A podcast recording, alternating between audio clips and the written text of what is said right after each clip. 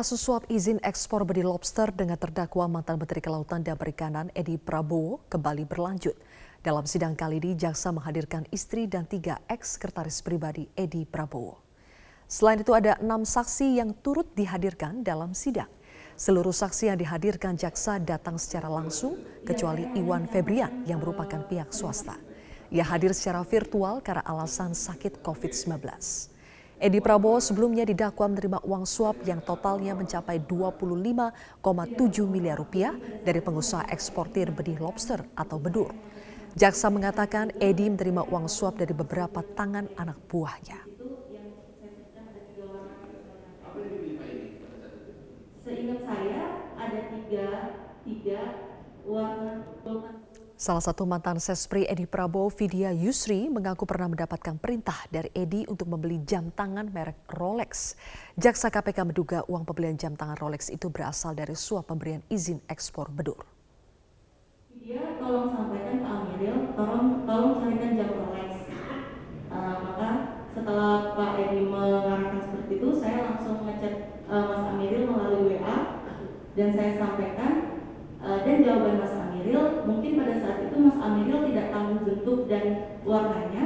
Jadi Mas Amiril meminta bantuan kepada saya untuk mencarikan warna dan bentuknya. Maka uh, saya inisiatif juga untuk mencari di Google bentuk dan warna dan jam tersebut. Tidak lama dari situ saya uh, menemui Pak Edi untuk mengkonfirmasi jam Rolex mana yang mungkin Bapak pilih.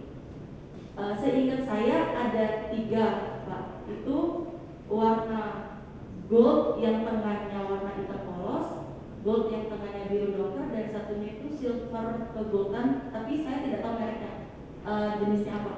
Edi Prabowo kembali menjalani sidang lanjutan atas kasus dugaan suap ekspor benih lobster. Ada sembilan saksi yang dihadirkan oleh jaksa penuntut umum, di antaranya tiga sekretaris pribadi wanita, kemudian istri Edi Prabowo dan pihak swasta. Selengkapnya akan disampaikan rekan Deka Nena dari Pengadilan Negeri Jakarta Pusat. Nena, apa saja pertanyaan yang dicecar jaksa untuk istri Edi Prabowo? Iya Zilvia memang sampai saat ini untuk sidang lanjutan terkait kasus suap benih lobster yang menjerat mantan eh, Menteri KKP Edi Prabowo ini masih terus berlangsung. Dan ada sembilan orang saksi yaitu istri dan juga beberapa sekretaris pribadinya dan juga ada pihak swasta. Terkait pertanyaan-pertanyaan yang dilontarkan kepada istri ini seputar pembiayaan atau penggunaan dana yang dilakukan saat mereka melakukan kunjungan dinas ke Amerika serta barang-barang apa saja yang dibeli saat pergi ke Amerika waktu itu.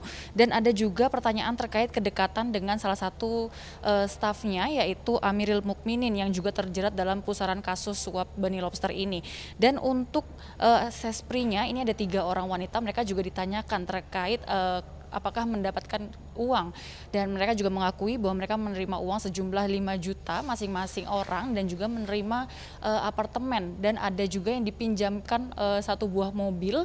Dan saat itu mereka juga ditanyakan terkait apa saja pekerjaan mereka setiap harinya saat menjadi uh, sekretaris pribadi dari mantan Menteri KKP Edi Prabowo ini. Dan selain itu ada juga uh, koordinator Sespri yang ditanyakan terkait apa saja uh, atau bagaimana prosedur surat yang masuk ke dalam kementerian dan ditujukan kepada menteri waktu itu? Dan apakah hanya satu pintu atau dua pintu? Tapi waktu itu koordinator mengatakan bahwa memang ada dua pintu. Yang pertama itu dari tata usaha dan yang satu lagi dari tim uh, tugas yang memang dikhususkan untuk menganalisis atau mengkaji lebih dalam terkait ekspor benih lobster ini. Dan memang Edi Prabowo sendiri didakwa menerima sejumlah uang sekitar 25,7 miliar dengan rincian 77 ribu US dollar dan juga 24,6 miliar rupiah dari beberapa perusahaan. Polisi menetapkan dua tersangka dalam kasus perahu terbalik di Waduk Kedung Ombok, Boyolali yang menewaskan sembilan orang. Dua tersangka adalah pengemudi perahu atas nama GH dan pemilik warung apung Kardi Yoyang yang tidak lain adalah paman tersangka GH. Kapolres Boyolali AKBP Mori Ermon menyatakan setelah melalui gelar perkara dengan asistensi Dirkrimum Polda Jawa Tengah dan pemeriksaan 15 orang saksi, Polres Boyolali menetapkan dua tersangka Kapolres menegaskan terbaliknya perahu bukan karena aktivitas swafoto para korban, tapi murni karena over kapasitas yang dibawa perahu. Sementara itu perahunya memang tidak diperuntukkan sebagai angkutan penumpang apalagi sampai 20 orang. Perahu tersebut adalah perahu untuk mengangkut pakan ikan di Waduk Kedung Ombo.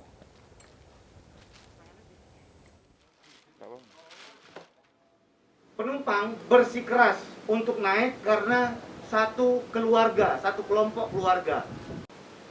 Untuk over overload, over kapasitas, ya. Ya, untuk over kapasitas, ya.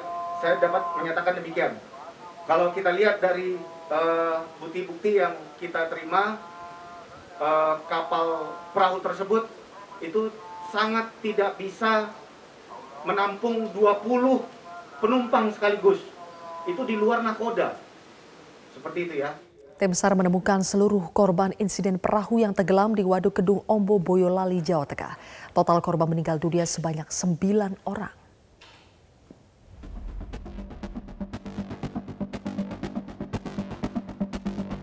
Tim SAR gabungan berhasil menemukan semua korban tenggelam akibat perahu wisata terbalik di Waduk Kedung Ombo, Kecamatan Kemusu, Boyolali, Jawa Tengah. Jenazah korban ditemukan di sekitar lokasi terbaliknya perahu wisata di Waduk Kedung Ombo. Kepala Pelaksana BPBD Boyolali, Babang Sinung menjelaskan, jenazah korban yang ke-9 akhirnya bisa ditemukan Senin pagi, sekitar pukul 5 waktu Indonesia Barat. Sementara itu, Kapolres Boyolali AKBP Mori Edmond menegaskan, ada dua calon tersangka dalam peristiwa terbaliknya perahu wisata di Waduk Kedung Ombo. Sebelumnya sebuah perahu wisata berpenumpang 20 orang terbalik di Waduk Kedung Ombo, Boyolali pada 15 Mei 2021. Kejadian terjadi ketika perahu hampir mencapai warung apung banyak penumpang yang bersuap foto di bagian depan perahu. Lantaran tak seimbang, perahu pun oleng dan akhirnya terbalik. Kejadian tersebut menyebabkan 9 orang meninggal dunia. Dari Boyolali, Jawa Tengah, Iwan Purwoko, Metro TV. Pemirsa TNI Angkatan Laut dengan bantuan militer Tiongkok berhasil mengangkat life raft dari bagian kapal selam KRI Nanggala 402 yang tenggelam di perairan Bali akhir April lalu. Life raft merupakan salah satu alat keselamatan dalam kapal yang digunakan untuk berlayar. Selain life raft, sejumlah komponen KRI Nanggala 402 lainnya juga ditemukan. Menurut Panglima Komando Armada II Laksamana Muda TNI Iwan Isnurwanto, beberapa bagian badan kapal selam yang tenggelam ini terpisah hingga beberapa meter. Misalnya jarak antara bagian haluan dengan anjungan badan KRI Nanggala 402 terpisah sekitar 107 meter. Kemudian jarak antara haluan dengan datu sekitar 47 meter. hukum alam saya tahu, tidak menguasai masalah hukum itu yang tahu adalah uh, hidroseografi yang mengetahui mengapa dengan kedalaman yang demikian barang-barang yang seharusnya ini mengambang tapi dia tidak mengambang. Dia tetap berada di sana. Mungkin ini maaf kuasa dari Tuhan yang Maha Kuasa bahwa keberadaan semuanya itu sebagaimana para pengawal orang-orang kapal itu akan setia dengan Pasukan militer Tiongkok yang dikerahkan untuk membantu operasi penyelamatan kapal selam KRI Nanggala 402 menemukan kawah dengan kedalaman 10 hingga 15 meter di dekat lokasi KRI Nanggala yang tenggelam. Panglima Komando Armada II Laksamana Muda TNI Iwan Isnurwanto memperkirakan kawah tersebut merupakan lokasi tenggelamnya badan tekan atau pressure hull. Menurut Iwan, penemuan kawah tergambar melalui survei bawah laut oleh kapal milik Tiongkok dengan jarak ukur pada lebar 2,5 km dan 3,7 km. Dalam penggambaran disebutkan bahwa kawah tersebut berdiameter kurang lebih 38 meter dengan kedalaman 10 hingga 15 meter. Namun demikian, hingga saat ini isi kawah tersebut masih misterius. Sejauh ini tiga bagian KRI Nanggala 402, yakni Anjungan, Haluan, serta Buritan sudah ditemukan tak jauh dari kawah tersebut dengan kedalaman begitu juga penggambarannya. Kita bisa melihat di sini adalah tempatnya haluan kemudian di sini tempatnya anjungan yang ada tulisannya 402 kemudian di sini tempatnya buritan atau uh, stern section. Dan ada satu hal di sini tempat kita menamakan crater atau kawah yang lebarnya kurang lebih 38 maaf diameternya kurang lebih 38 meter dengan kedalaman kurang lebih 15 uh, 10 sampai 15 meter. Ini yang sampai saat ini kita masih belum mengetahui apa sebenarnya kawah tersebut. Hampir sebulan sejak KRI Nanggala 402 dinyatakan hilang kontak pada 21 April, pihak TNI Angkatan Laut kembali menyampaikan perkembangan operasi salvage kapal selam tersebut. Saat ini operasi dibantu oleh Tiongkok setelah kapal-kapal milik Singapura dan Malaysia kembali ke negaranya masing-masing. Atase pertahanan Tiongkok Chen Yongqing membeberkan rumitnya pengangkatan kapal dari bawah laut. 编队还加强了潜水分队、医疗分队、 搜救特装操作分队等数十人。